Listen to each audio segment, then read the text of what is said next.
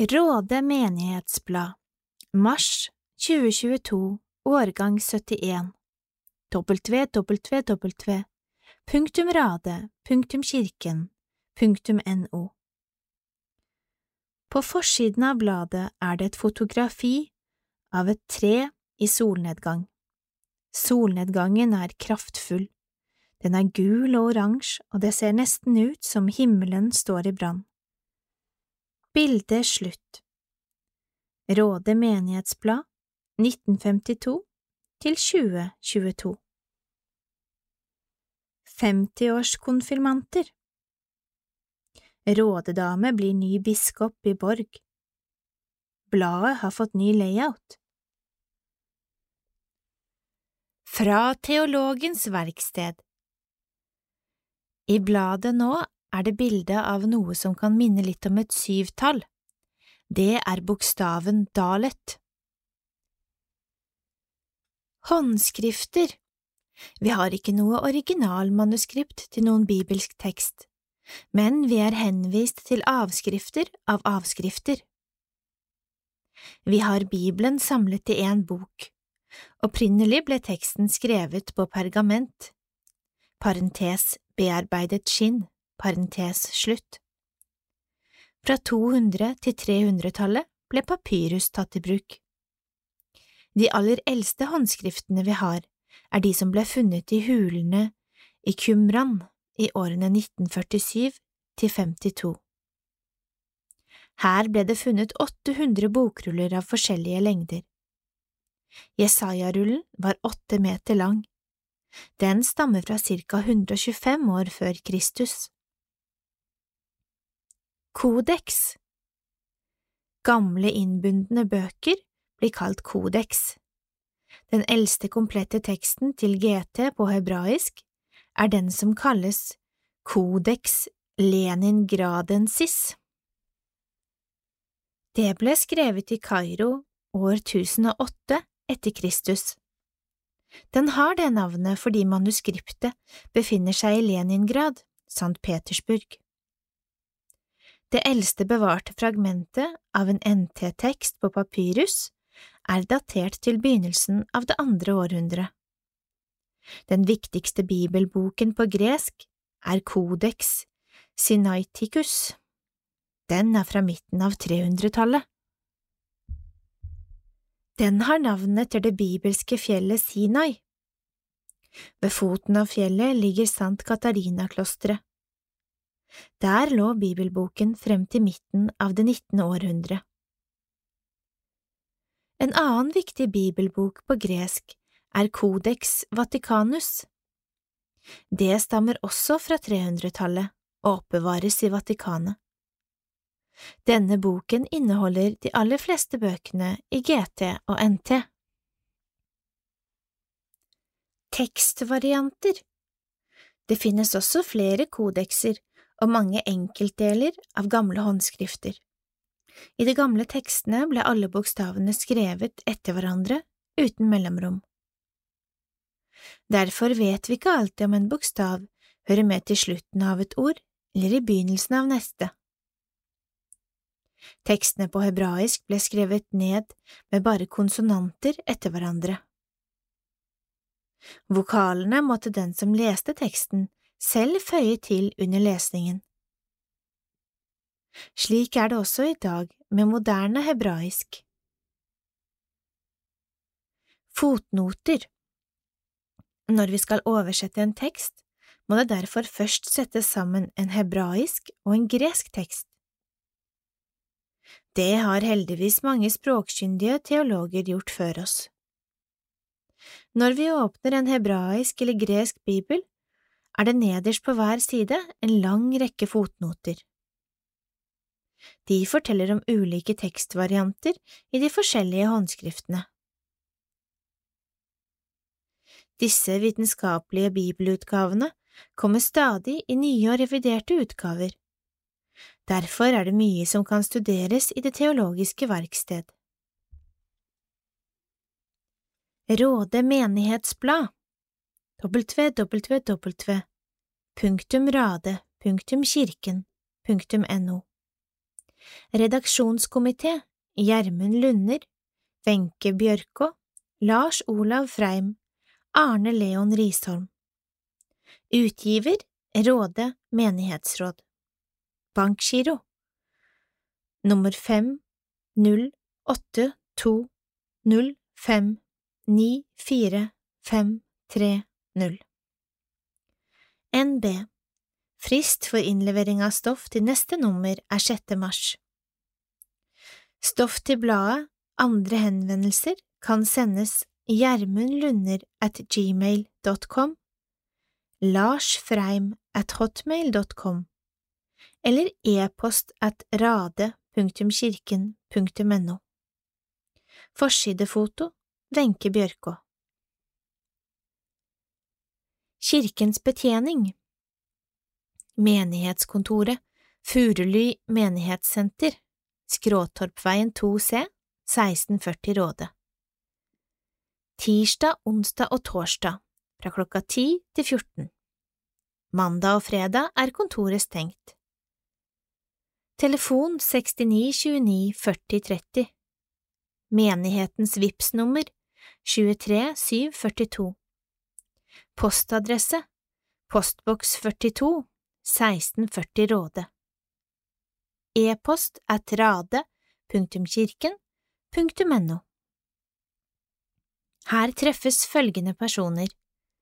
Kirkeverget Dag Øystein Andersen 419 33 688 Kirkeverget at rade.kirken.no Sogneprest Arne Leon Risholm. 934 54 314 Sogneprest at rade.kirken.no Kateket Kristine Lund Almås 971 50 032 Kateket at rade.kirken.no Kantor. Børge Sandal.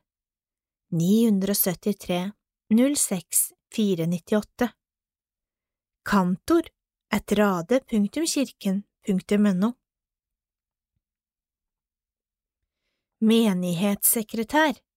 Lill Irene Albertsen.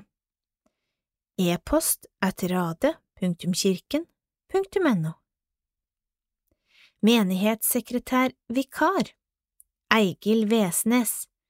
918 27 629 E-post at rade.kirken.no Kirkegårdsarbeider. Jan Kåre Tollefsen. 913 09 708 Kirketjener at rade.kirken.no Leder i menighetsrådet. Hilde Freim. freim.hilde at gmail.com Leder i Kirkelig fellesråd Ragnhild Klevmoen.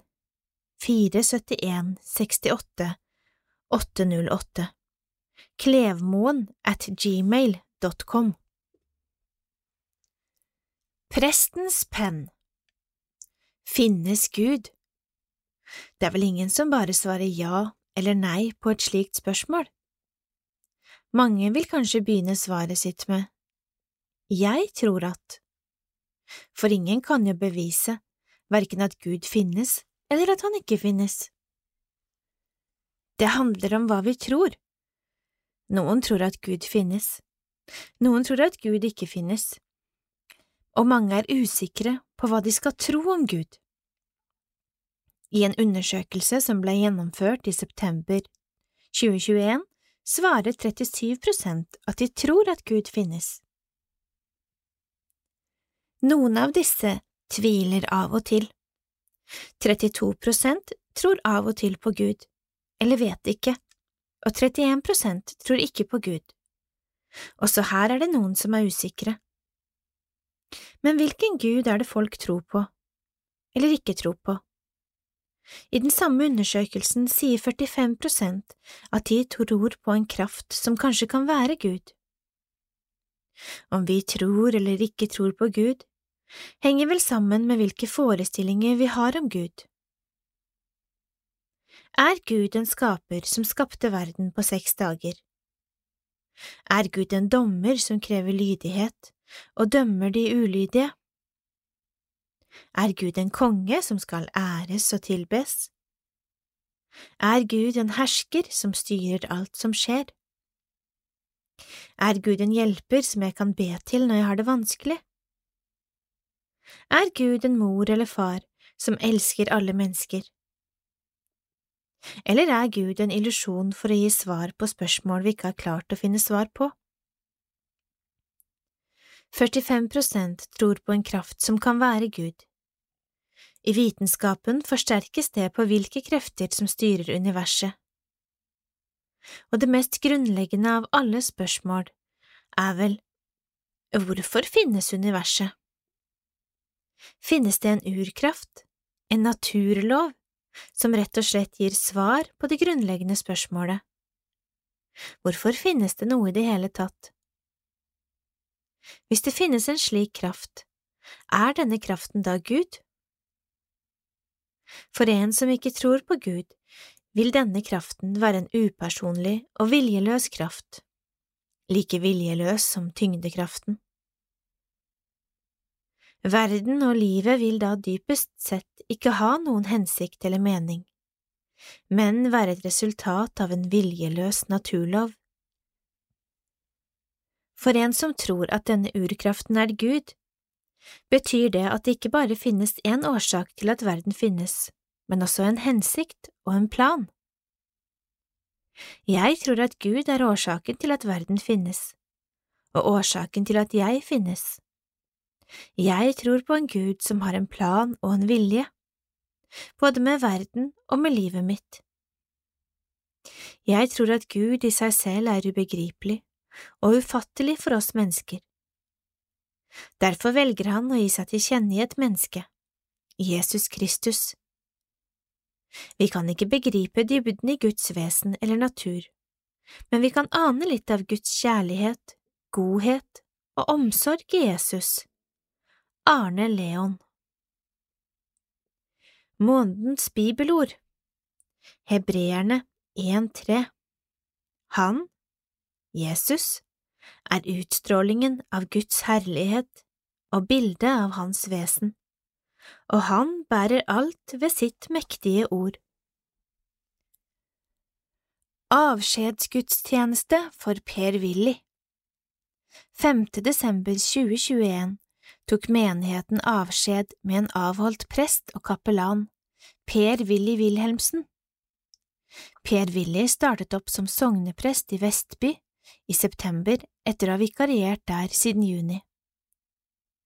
Avskjedsgudstjeneste var i Råde kirke, med påfølgende kirkekaffe på Furuly. Frammøtet var godt, men hadde nok vært mye bedre om det ikke var for den pågående pandemien. Per-Willy og Arne Leon hadde gudstjenesten sammen. Og selvfølgelig var Per-Willy dagens predikant.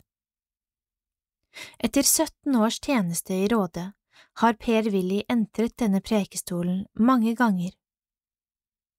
Men tre ganger vil han huske spesielt, innledet han med å si. Den dagen han ble ordinert til prestetjeneste, den dagen han ble innsatt som kapellan, og den dagen han tok avskjed som kapellan i Råde. På kirkekaffen var det mange, både store og små, som ville takke Per-Willy for hans trygge og gode måte å være prest på, i møte med barn, ungdom, voksne og eldre. At han også er en meget god predikant, ble også trukket fram av flere. Redaksjonen i Menighetsbladet ønsker Per-Willy lykke til i tjenesten videre som sogneprest i Vestby. Mirakel i mars Du må ikke komme hit ennå, Linnæle, vi sliter med vinter og snø. Og Lerka, hun hutrer fortvilt over jordet og ser verken strå eller frø. Du må ikke synge så høyt ennå, svarttrost. Hvert tre spriker nakent og bart. Blant fonner av tung og våt snø ute i skogen er landet vårt slett ikke klart. Du må ikke vente deg åpent vann ennå. Du spover på vei imot nord. Du lokkes av lyset du flyr imot håpet, men her er det lite som gror. Men gløden i måkenes skrik, den er ny, der de svever på solhvite seil. En hasselbusk støver fra blekgule rakler. Det er kanskje jeg som tar feil. Torunn Bjørnstad Båtvik På kirkevergens bord På kirkevergens bord Her kommer litt informasjon fra meg om hva som har skjedd på kirkegården og Råde kirke det siste året. Vi vet at det er mange i Rådebygda som har et stort hjerte for kirkegården og kirkene våre, så her kommer en liten rapport fra 2021. Råde kirke Hele kirken er støvsugd med spesialstøvsuger. Det betyr alle vegger, orgel, alter og prekestol. Behovet for dette var meget stort. Teppene i kirken har blitt renset. Seks benker har blitt avkortet for å tilrettelegge for rullestolbrukere. Nytt varmestyringsanlegg er installert for en bedre tilpasset oppvarming. Målet er at dette systemet skal bidra til ca 30% strømsparing. Dette systemet regulerer også styring av fuktighet i kirken. Det er installert nytt brannvarslingsanlegg og anlegg for klokkeringing. Kirkegården Minnelunden åpnet vi i juni, og den ble tatt i bruk umiddelbart. Dette har vært et veldig hyggelig prosjekt å jobbe med, og vi har mottatt mange henvendelser og mye positiv respons på Minnelunden. Dersom kirkegården ikke er slik den forventes å være, kommer det raskt respons om ønskede forbedringer. Noe av det vi har fått mye fortjent kritikk på, er flaggstengene utenfor kirken og kapellet. Derfor er alle fire byttet ut, så nå ser det bra ut. I tillegg er det gressklipping det kommer reaksjoner på. Vår sitteklipper måtte kondemneres, nesten 20 år gammel, og en ny er anskaffet. Håper dette kan bedre litt på standarden i den verste vekstperioden. Kirkegården har hatt store utfordringer med drenering. Kapellet hadde vann i kjelleren ved flere anledninger i fjor. Det viste seg at alle våre kummer var fylt med sand og jord i tillegg til at dreneringsrør på ett område måtte skiftes. Alle kummene er tømt for sand og jord, og driftsavdelingen i Råde kommune har hjulpet til med graving og utskifting av rør. Takk til de for god kompetanse, veiledning og samarbeid. Smijernsporten ved innkjøringen fra Sarpsborgveien holdt på å falle fra hverandre. Tom VGS påtok seg jobben med restaurering, og resultatet ble fabelaktig. Vi er meget takknemlig og imponert over elevenes og veileders innsats. Tusen takk. Trær på kirkegården og utenfor Tom kirke er beskåret og det er spesielt farlige og døde grener som er fjernet. Vi opplevde at store grener falt ned der folk ferdes, og noe måtte gjøres grunnet sikkerhet. Utfordringer som ligger foran oss nå, er slokkeanlegg i Råde kirke, oppussing av sakristiet, vedlikehold av dører og vinduer, både i Råde kirke og kapellet belysning foran koret i Råde kirke, fornyelse av vannpostene på kirkegården og utskiftning av ledningsnettet i Tom kirke, for å nevne noe. Det er ingen fare for å bli arbeidsledig, og jeg gleder meg til nye utfordringer. Dag Øystein Skarpås Andersen Serie i Menighetsbladet Kirkehistorien på Tomb I bladet nå så er det bilde av logoen til Tomb videregående skole. For et par år siden markerte Råde menighet 150-årsjubileet for Tomb kirke. Kirken ble reist i 1869 i regi av godseier Christian Fischer, men også med bidrag fra folk ellers i bygda og kommunen. Det var fattet vedtak ved kongelig resolusjon et par år tidligere om at kirken skulle bygges. Men det var høyst uvanlig at et slikt byggeprosjekt ble gjennomført i privat regi. Det er ukjent hva slags motiv Fischer hadde. Kanskje det var å videreføre den betydelige kirkehistorien på stedet og smykke herregården med en passende kirke. Kirken ble kommunens eie da Råde kommune tok over godset i 1936, og har siden 1997 vært en av to kirker som eies av Råde sogn. Mange bruker fortsatt begrepet Tomb kapell. Dette var også navnet fram til ny kirkelov i 1997 slo fast at hus vigslet til kirkelig bruk skal hete kirke og eies av sognet. Kirken fikk sin siste restaurering i 1969, og interiøret ble tilbakeført slik det var fra starten av. Vernemyndighetene mente at kirken skulle være rød, men rødfargen kom ikke på plass før i 1994. Fisher hadde kanskje lest historien om Tomb og hadde da fått med seg at kirkehistorien er sporbar tilbake til 1300-tallet. I biskop Eisteins jordebok er kirken nevnt i sammenheng med eiendommer som hørte kirken til per 1397. Kirken var på den tiden en selvstendig institusjon, med ganske store tilhørende eiendommer.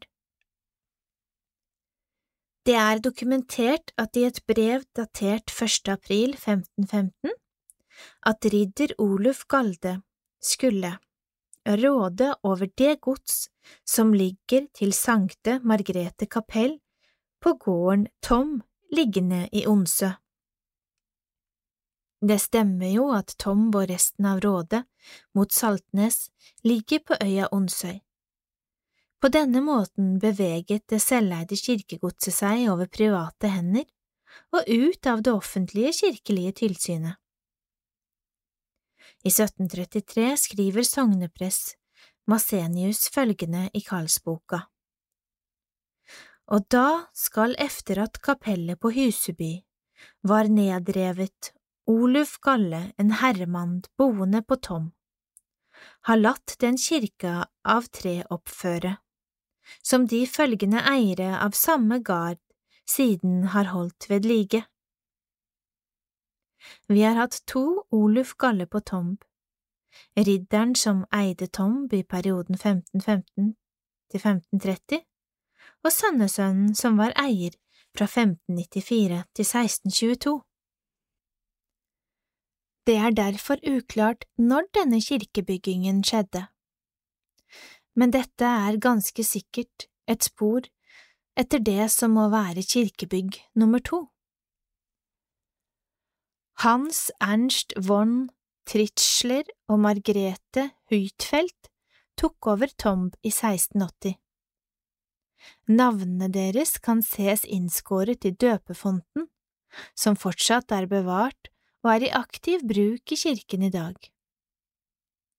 Kildene er motstridende om Tritzschler-paret bygde nytt eller restaurerte kirken etter Oluf Galle. Skal vi tro på sognepresten og noen andre kilder, så var det en omfattende restaurering, og slik regnes dette som kirke nummer tre.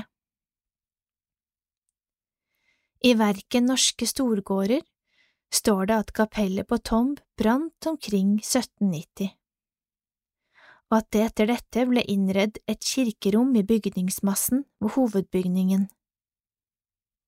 Noen mener brannen var tidligere.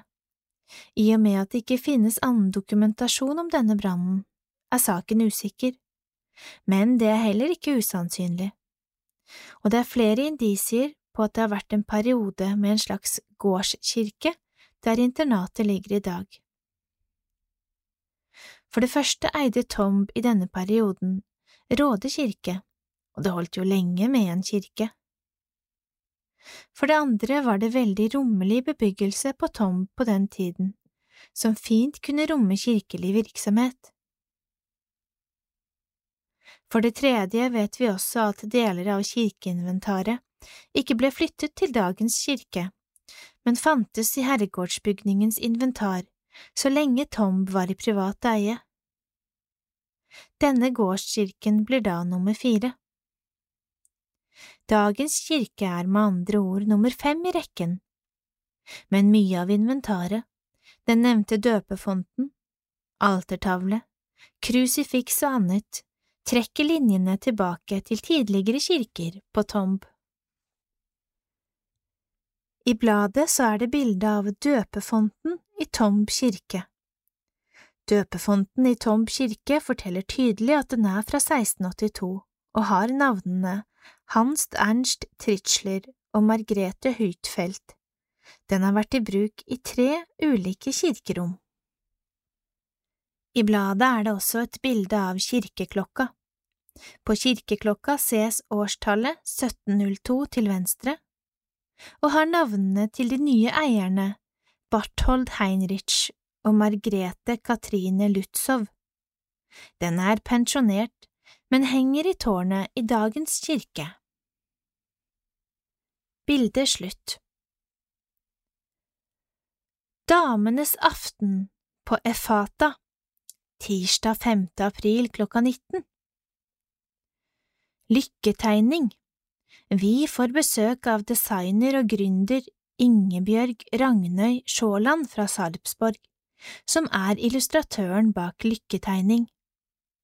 Hun forteller hvordan Lykketegning ble til, og hvordan hun skapte sin egen arbeidsplass.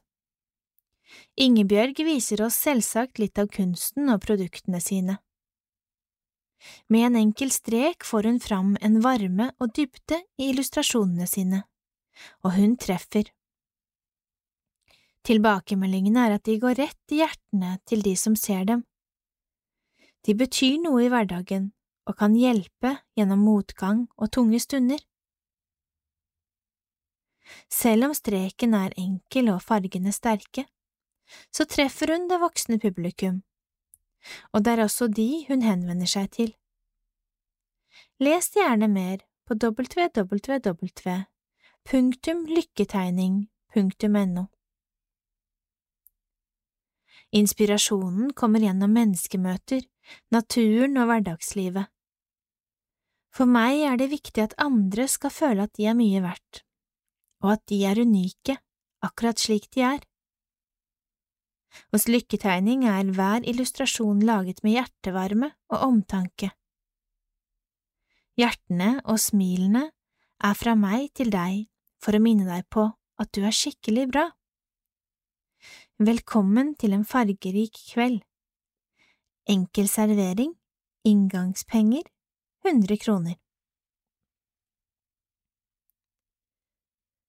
Ut og gå Velkommen til ny ut og gå-tur. Torsdag 24. mars klokka 11 går vi til Vetaåsen. Oppmøte på Skogen gård. Adresse Skomakerveien 4. Første vei til høyre når du kommer inn på Gillingsrødveien. Ta med matpakke, termos, sitteunderlag og en venn.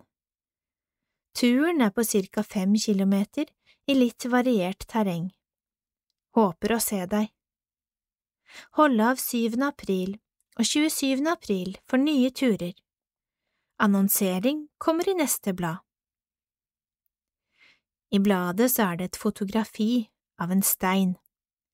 På steinen står det skrevet Vetaåsen skanse, anlagt 1902 til 05, Til fedrelandets forsvar, restaurert 1986 av Råde forsvarsforening og Råde kommune. Bilde slutt.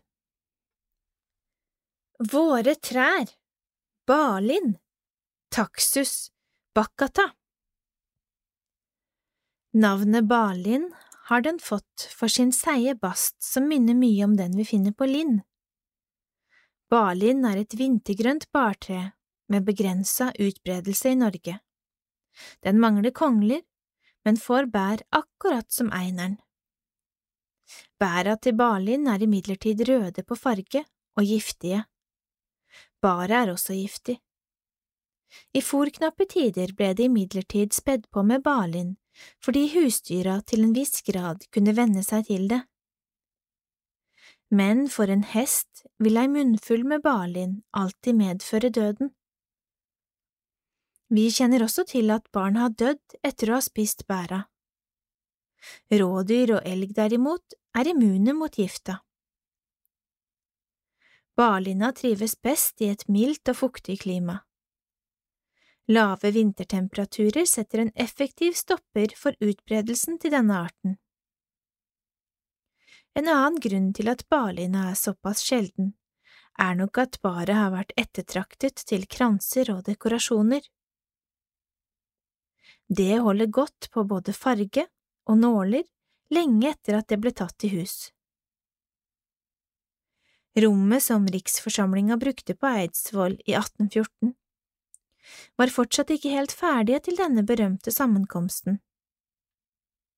Også for å skjule de halvferdige veggene ble de dekket med balingreiner fra gulv til tak. Barlina vokser dessuten svært seint og bruker mye tid på å sette nye greiner og forynge seg.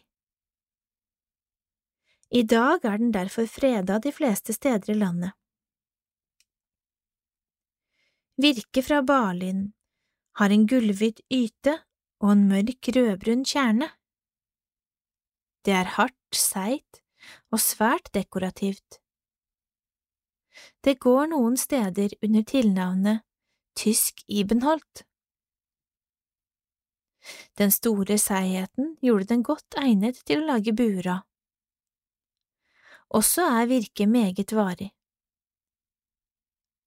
Kopper og kar som ble funnet under utgravningene av Osebergskipet, var laget av Balin. Erik Pontoppidan nevner i skrifter fra 1752 at Balin ble brukt til bygging av hardingfeler.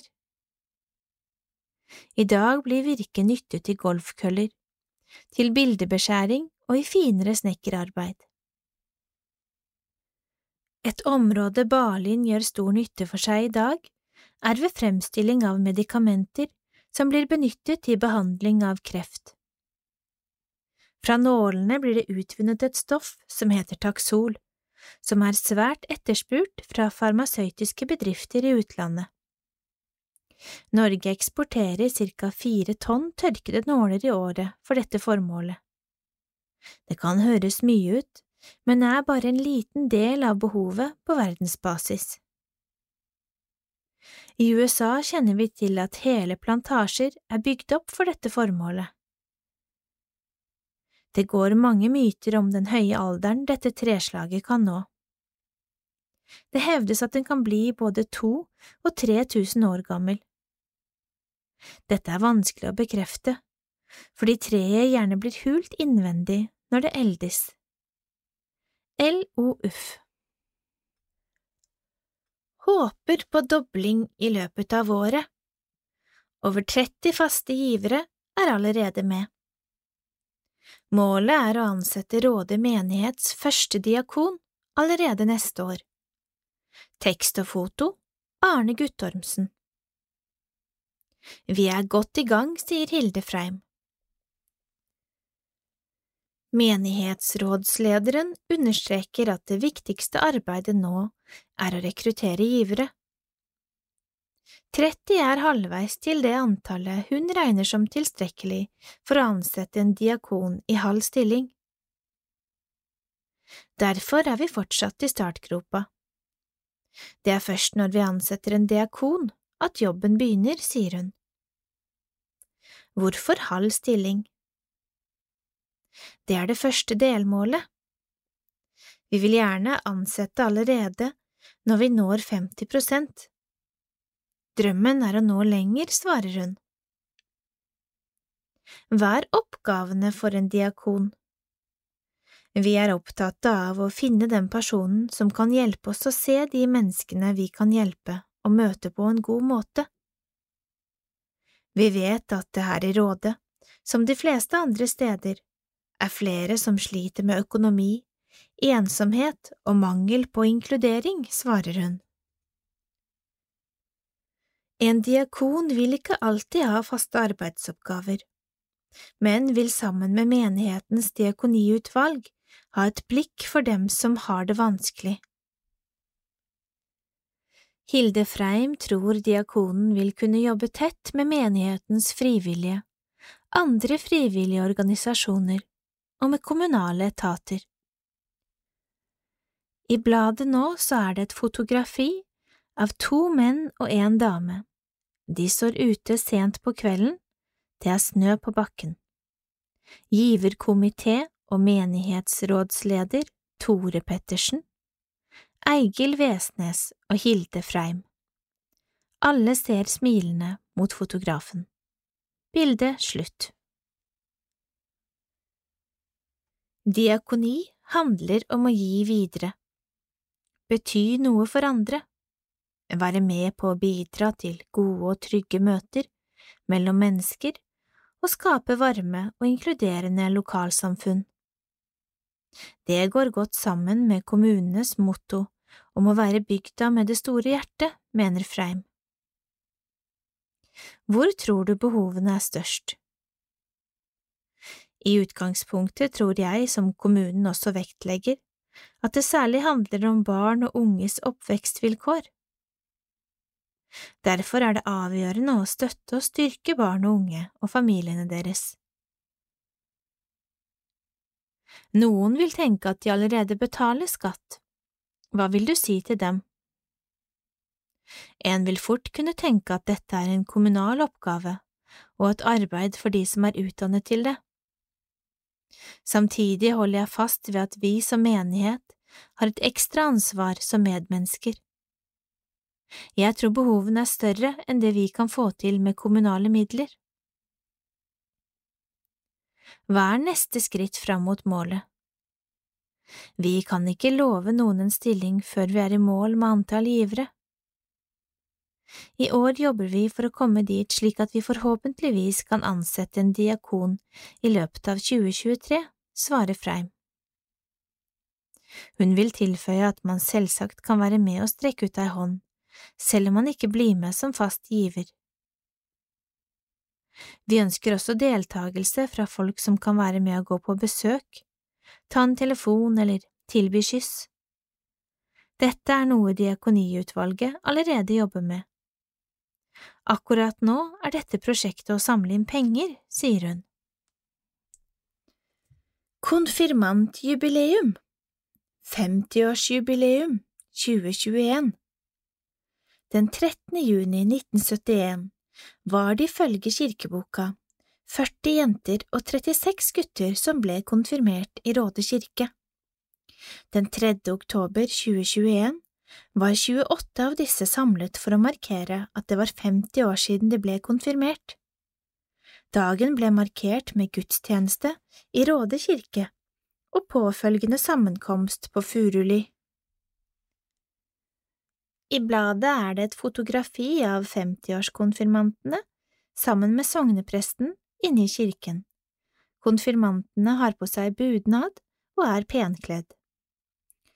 Fremst fra venstre Else Sørensen, Marit Eirin Kjærnes, Ragnhild Fuglevik, Liv Oskarsson, Mona Irene Wang, June Grete Vallestrand, Vigdis Elisabeth Strømnes Bredesen, Ann Kristin Røiseland, Midterst fra venstre, Unni Solberg Andersen, Anne Elisabeth Rinde Elvestad, Anita Eriksen.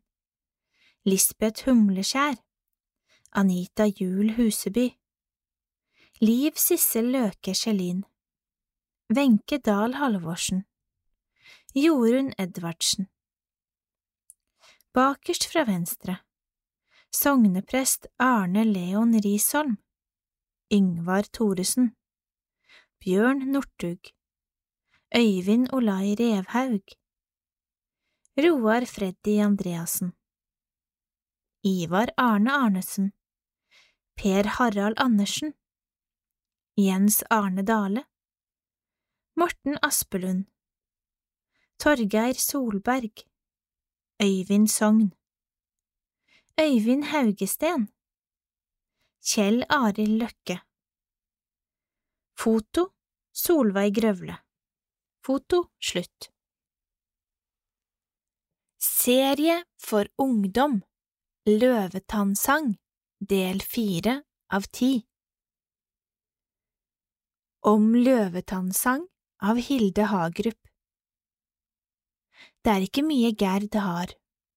En død far, en utbrent mor og en søster som synger absolutt hele tida.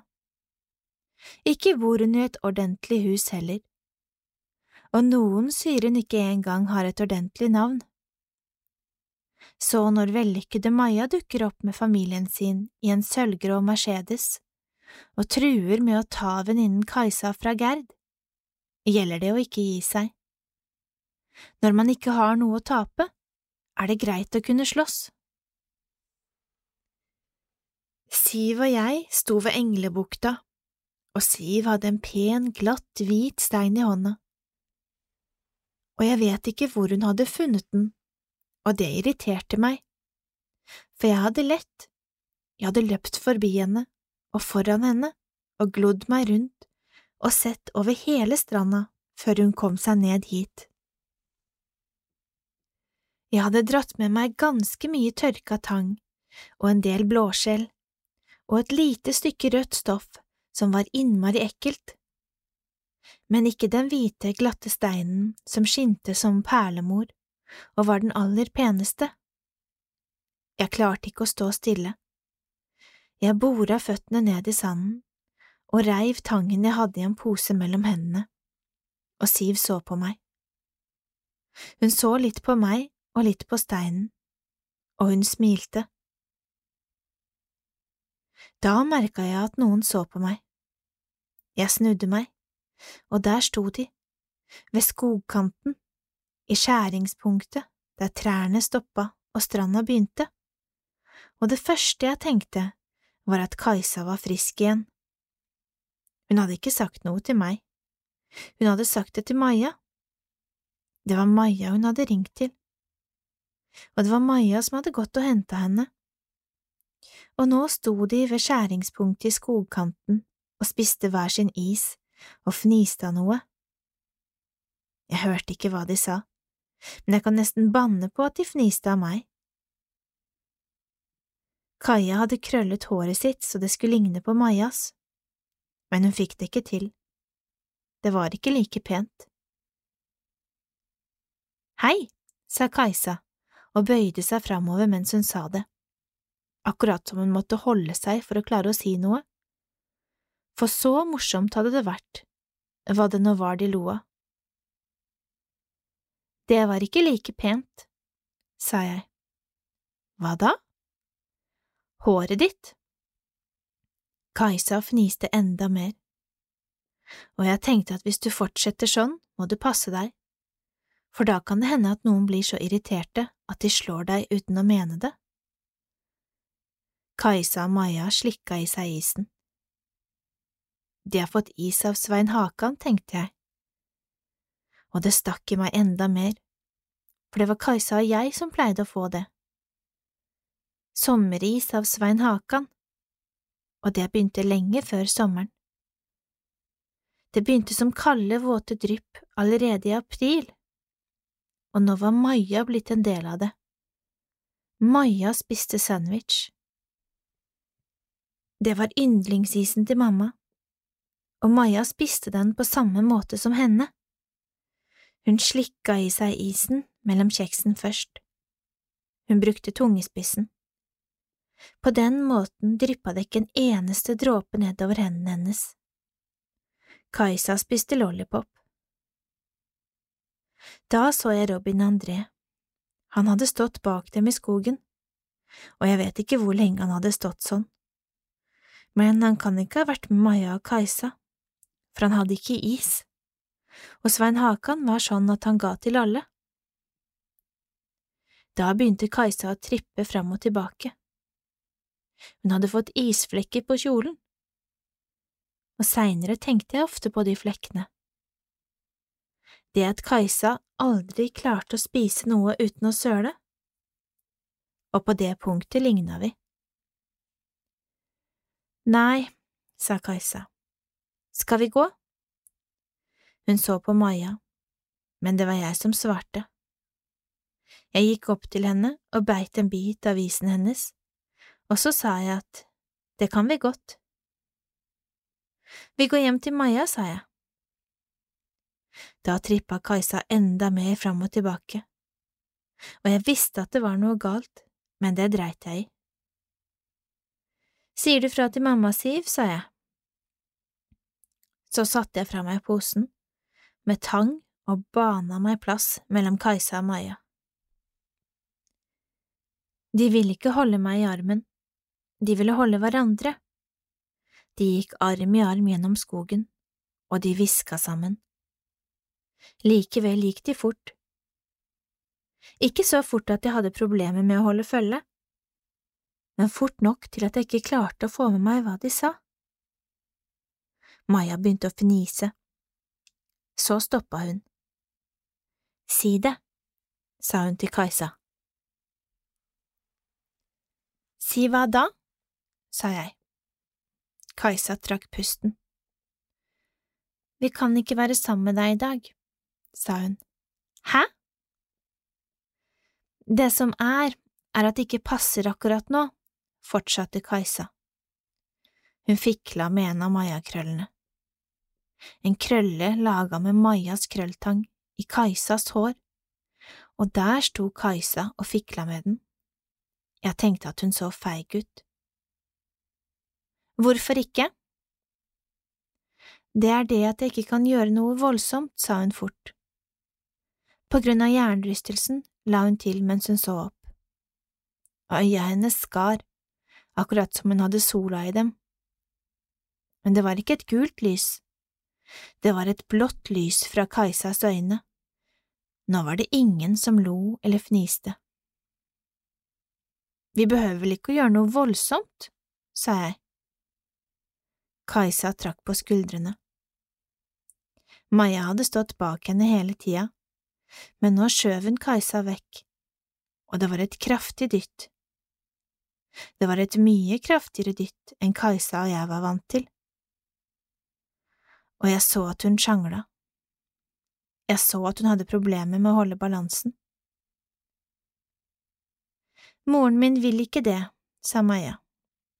Hun har hørt at du og søsteren din ikke er god innflytelse. Det var ikke det jeg sa, hviska Kaja. Hun flytta seg urolig fra fot til fot og fikla med krøllene som om hun var redd for at de skulle falle av hvis hun ikke dro i dem hele tida. Hva sa du da? sa jeg. Stemmen min dirra som en motor et sted inni hodet mitt men den hørtes likevel. Eller, Kajsa skjønte hva jeg ville si, for hun svarte. Jeg forklarte bare hvorfor. Det var ingen som hadde hastverk lenger, og jeg klarte ikke å riste på beina engang. Det finnes ting man ikke sier, det finnes uskrevne regler, hemmelige lover, verdens største hemmeligheter, og man kødder ikke med dem. Det er ikke sånne ting man tar opp, rister på, kaster utover når det passer. Man kan ikke tørke opp sånne hemmeligheter når de først er ute. Jeg sa bare at det er synd på dere, sa Kajsa. Eller mest på Siv, da. Jeg sa at det er sånne som dere det er synd på. Alt jeg klarte å se, var lollipop-isen. den røde, gule og oransje isen. Det var nesten ikke mer sjokolade igjen nå. Hun hadde nesten spist opp sjokoladen. Eller var det litt der likevel? Var det en brun flekk på den andre siden? Sjokoladen var det beste med hele lollipopen. Sjokoladen og den røde saftisen. Jeg elsket å bite av sjokoladen i store, tynne flak. Jeg elsket all sjokolade som kom i flak. Hvis det var litt varmt, kunne man forme den med fingrene sine. Man kunne lage ting av lollipop-sjokoladen, enten med fingrene eller med tunga. Da vi var små, gjorde vi ofte det. Vi satt på brygga utenfor huset vårt og laga ting. Og etterpå var det det, det røde. Etterpå var det all den gode røde isen. Det er måten faren din døde på. Jeg vet ikke hva jeg hadde gjort. Trukket ut en propp. Det var akkurat som om Kajsa ikke klarte å stoppe seg selv. Selv om hun ville. Hun snudde seg mot Maja. Faren deres skulle ta med Siv ut og fiske, enda det var storm. Og Siv kom tilbake på en treplanke. Men han kom ikke tilbake og de har ikke funnet han ennå. Det ligger et lik i sjøen, og det er faren til Gerd. Og det er derfor hun er sånn hun er. Og søsteren også. Det er derfor hun synger hele tida. De har aldri holdt noen begravelse, bare en minnestund. Og det er ikke det samme. De kan ikke helt vite 100% sikkert at han er død og de har ikke noen grav å gå til. Tenk deg det, faren din er død, og så har du ikke noen grav å gå til. Og det er mest synd på Siv, siden det var hun som var med. Men det er synd på Gerd også, i og med at den var så nært knytta, og det er derfor hun er så voldsom. Jeg lukka øya før jeg svarte. Plastlokk. Hva sa du? Det var Majas stemme. Majas stemme var fjern og interessert, og først mye seinere skjønte jeg at hun hadde likt seg akkurat da. Siv kom tilbake på et plastlokk, sa jeg. Da jeg åpna øya, hadde Kajsa allerede begynt å løpe, og jeg venta ikke. Jeg ble ikke stående. Jeg stoppa ikke. Jeg spurta etter henne, gjennom skogen, over myra og jeg visste at jeg ikke kunne gi meg før jeg hadde tatt henne igjen. Kajsa springer fort, men jeg springer fortere, og jeg når henne igjen like før vi runder svingen der vi kan se huset hennes. Like ved myra man må over for å nå innkjørselen. Vi har sprunget der før sammen. Hvor mange ganger har vi sprunget der sammen? Vi har aldri sprunget etter hverandre på denne måten den ene for å ta den andre. Den ene med blodsmak i munnen, og den andre med armene utstrakt og klørne klare til angrep. Det er den røde kjolen som gjør at jeg klarer det. Det er den jeg får tak i. Jeg drar Kajsas røde kjole, og så drar jeg henne over ende, og det er i myra. Det er ved utkanten av myra, og jeg biter henne i armen og sparker henne i magen og klorer opp kinnet hennes og klemmer leire inn i håret på henne. Det er da jeg får øye på isen. Jeg vet ikke hvorfor hun ikke har kasta den fra seg, men det har hun ikke. Hun har holdt fast i den, helt til jeg rev henne over ende, og nå ligger den en halvmeter bortenfor henne, rød og gul og oransje og nesten smelta og full av brune flekker. Og det er ikke sjokolade. Det er søle og maur. Jeg trenger ikke å holde henne fast for å få tak i den. Hun har ikke krefter til å reise seg, i hvert fall ikke fort nok. Og jeg får tak i den. Og jeg river den til meg, og før hun rekker å protestere, har jeg satt meg på magen hennes og pressa den mot munnen hennes Spis! Kajsa klemmer leppene sammen og sperrer opp øya.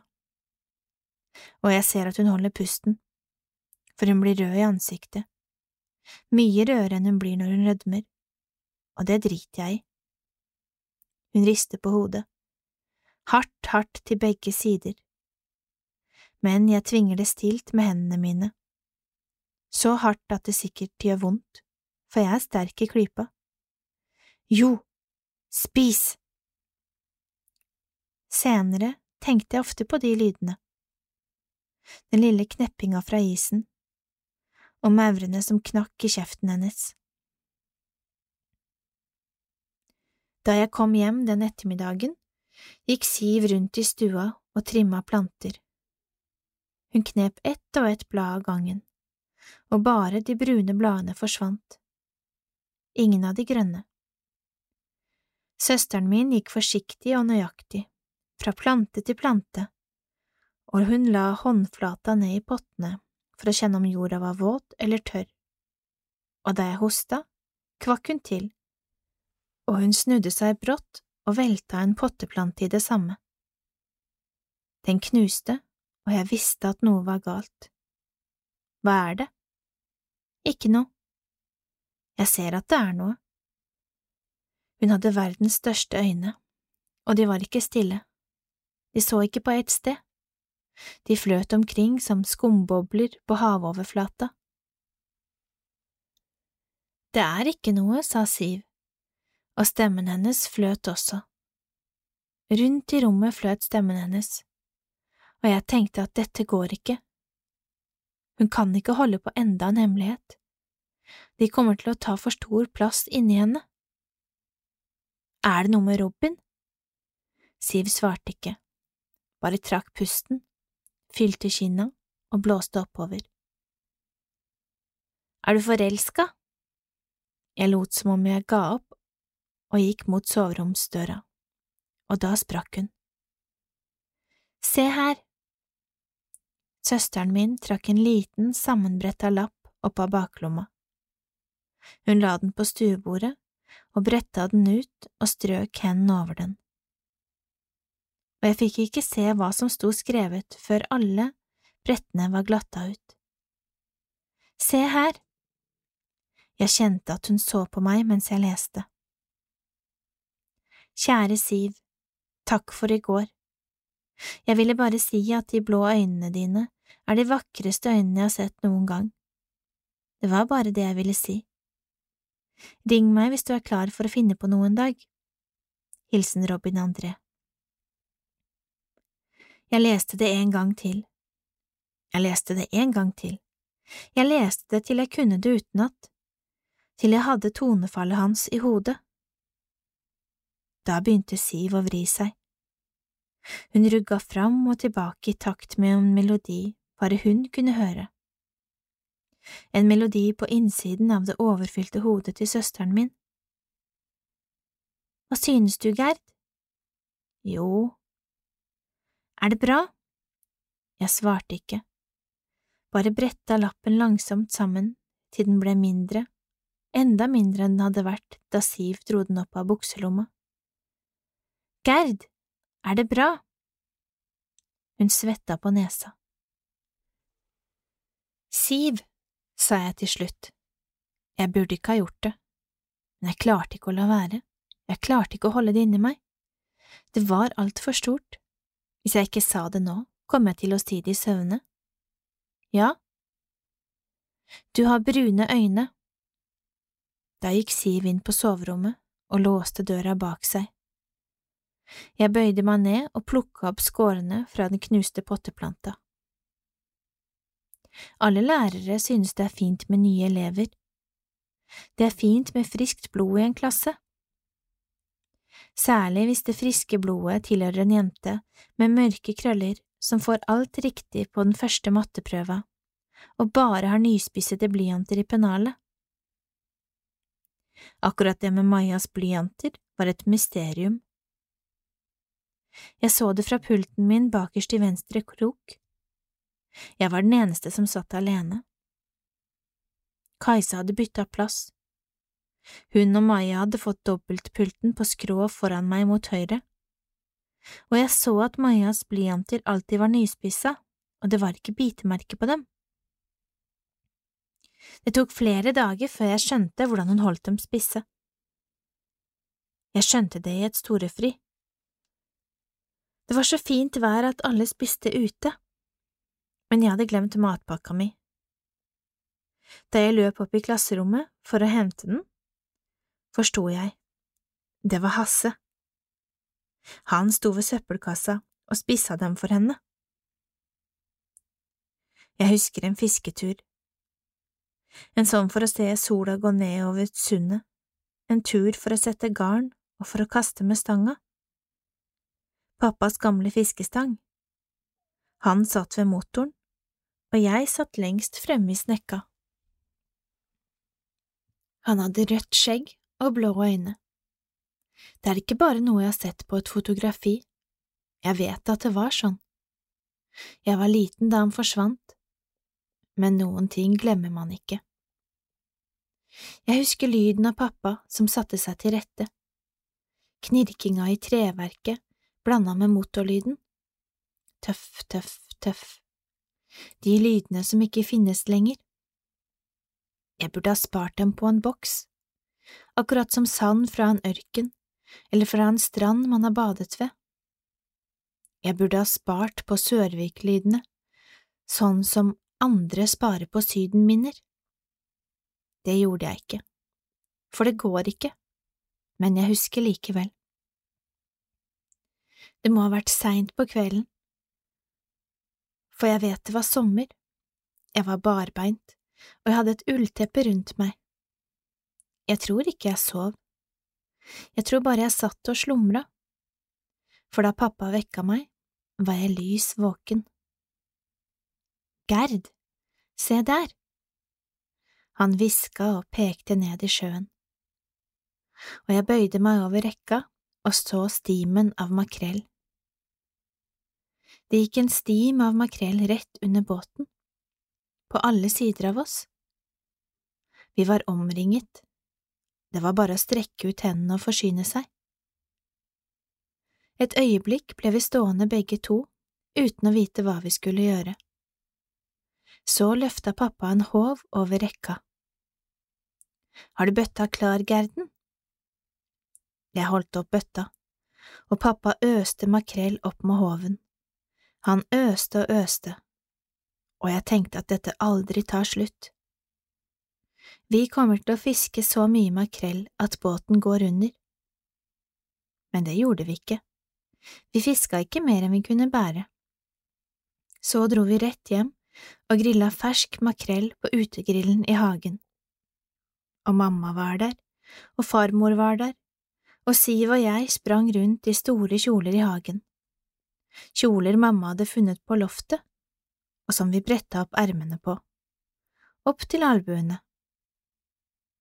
Jeg husker ikke hva vi lekte, men jeg husker at jeg fikk latterkrampe av noe Siv sa. Og det kan være at jeg husker feil, at det bare var en drøm.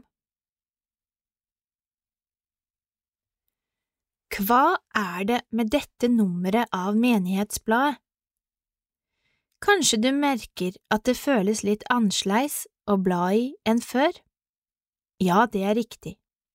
Papiret i dette og framtidige utgaver er trykt på et papir som er mindre behandla og mer naturlig enn før.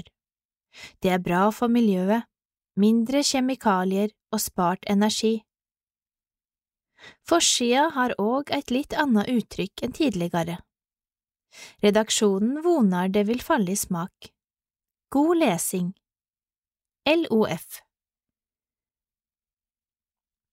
Tilsetting Ny kapellan Når dette nummeret av Menighetsbladet ligger i postkassen, er det sannsynligvis klart hvem som blir ny kapellan i Rådet.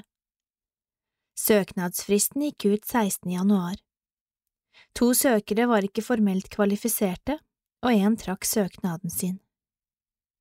Vi sto derfor igjen med fire aktuelle søkere. Den 10. februar ble det avholdt intervjuer av aktuelle søkere. og den 28. februar ble det avgjort i bispedømmerådet hvem som fikk tilbud om stillingen. Den som ble tilbudt stillingen, fikk en svarfrist på åtte dager. Det er derfor ikke sikkert vi rekker å presentere ny kapellan i aprilnummeret av Menighetsbladet, heller grunnet bladets deadline.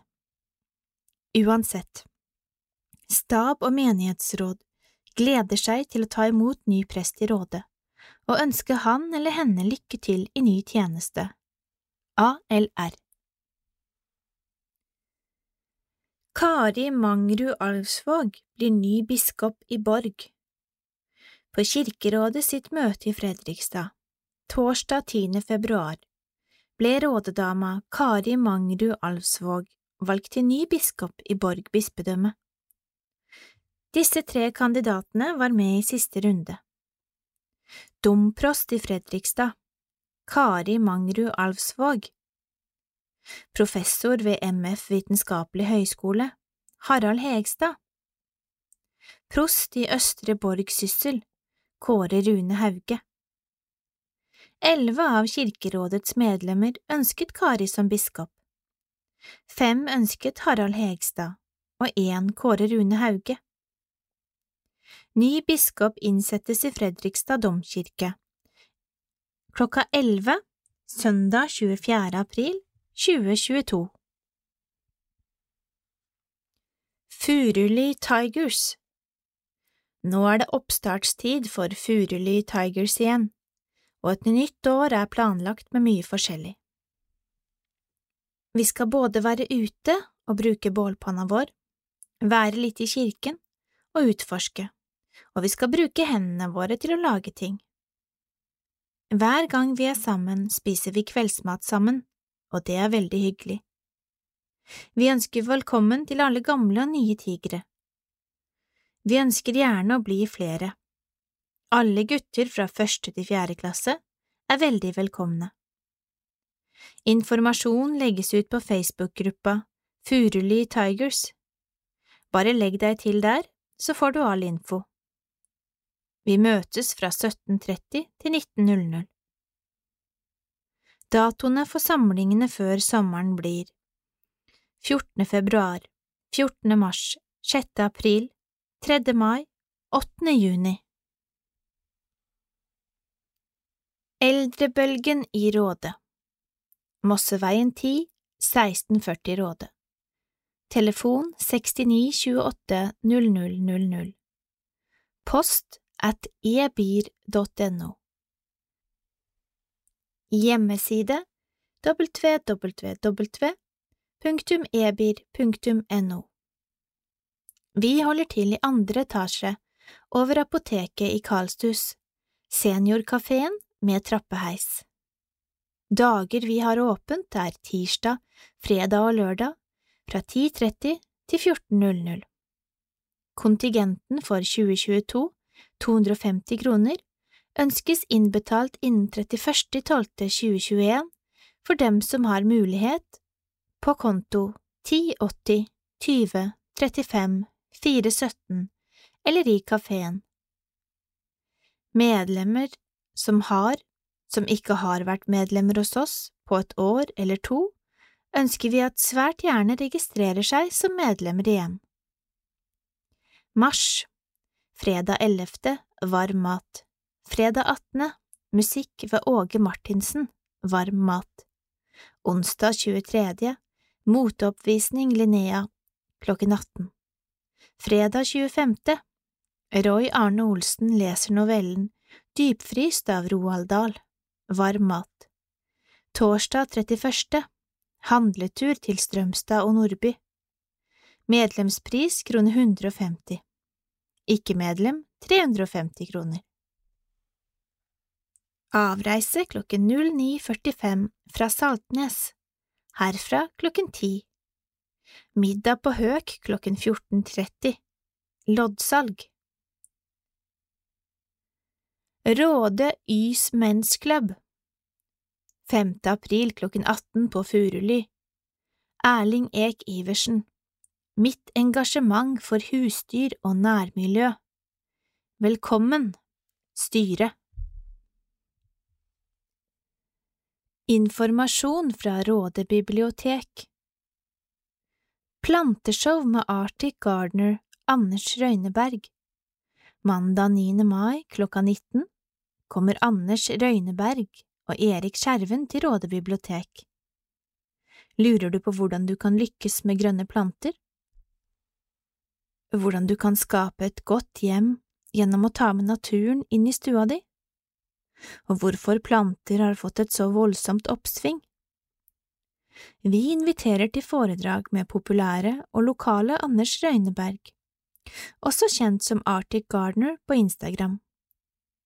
Han har skrevet bøkene Plantelykke og Plantebonanza, og sine over 85 000 følgere fra hele verden. Til å leve grønnere. Anders har innredet hjemmet sitt på Hadeland med 300 potteplanter, og vil fortelle deg hva grønnplantebølgen handler om, hvordan du kan lykkes med å stelle, ivareta og velge hvilke planter som passer til deg. Tips til godt vårstell får du også. Det blir boksalg og mulighet for å stille spørsmål etter foredraget. På grunn av plasshensyn vil det være påmelding. Inngangspenger. Følg med på www.radebibliotek.no og eller følg biblioteket på Facebook for informasjon om påmelding.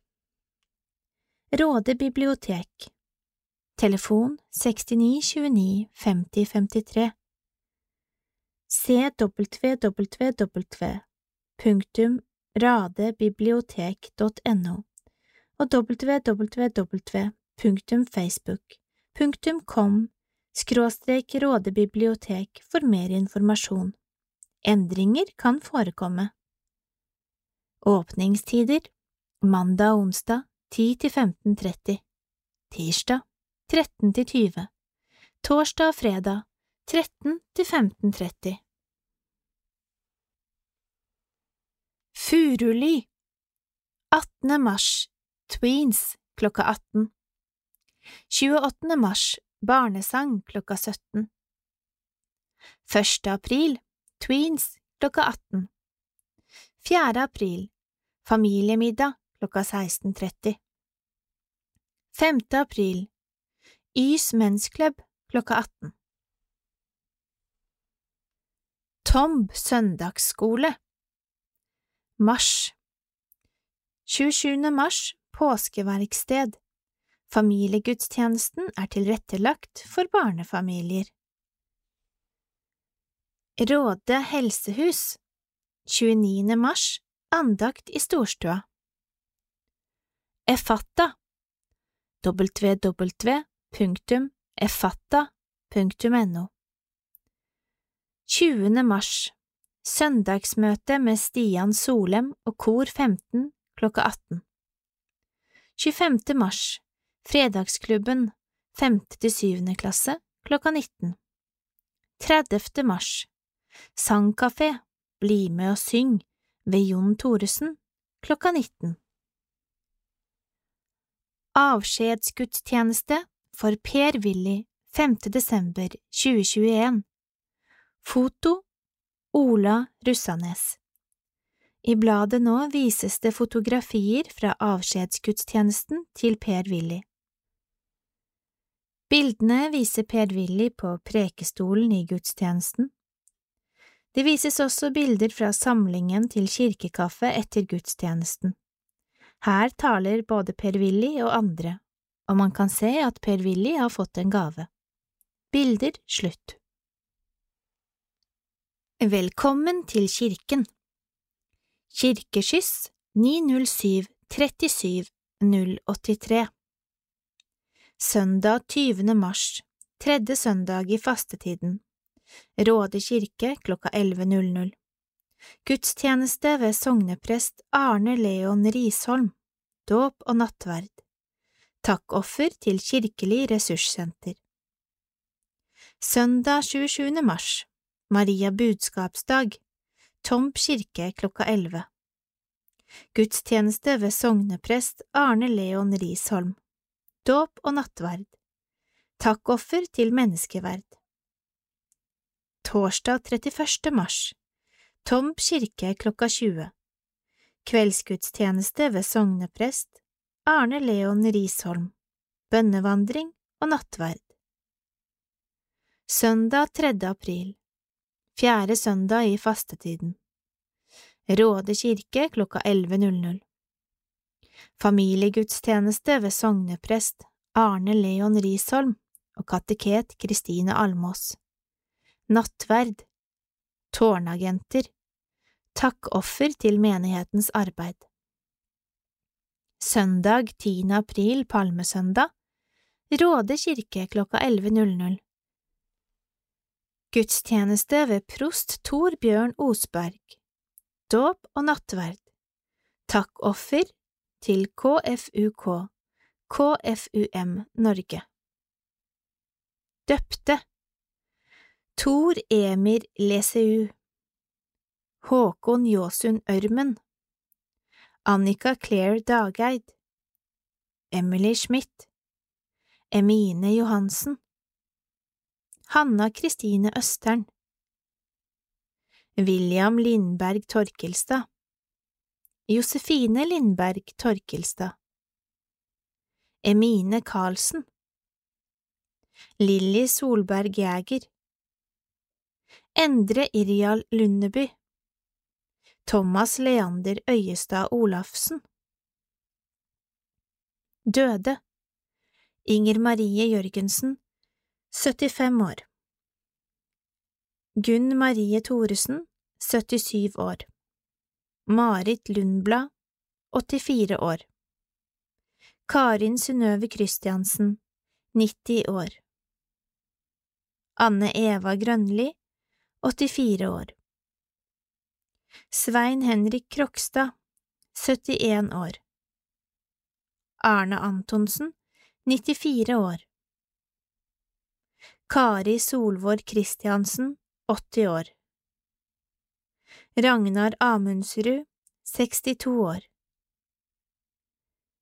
Gunnar Eilert Grønli 84 år. Torbjørn Dahl 84 år. Ragnar Olav Høytomt 78 år. Arne Kjell Hagen 78 år. Bjørg Solveig Antonsen 85 år. Ruth Låke 81 år. Adele Mikkelrud Andreassen null år Neste nummer kommer ut 19. til 26. mars 2022.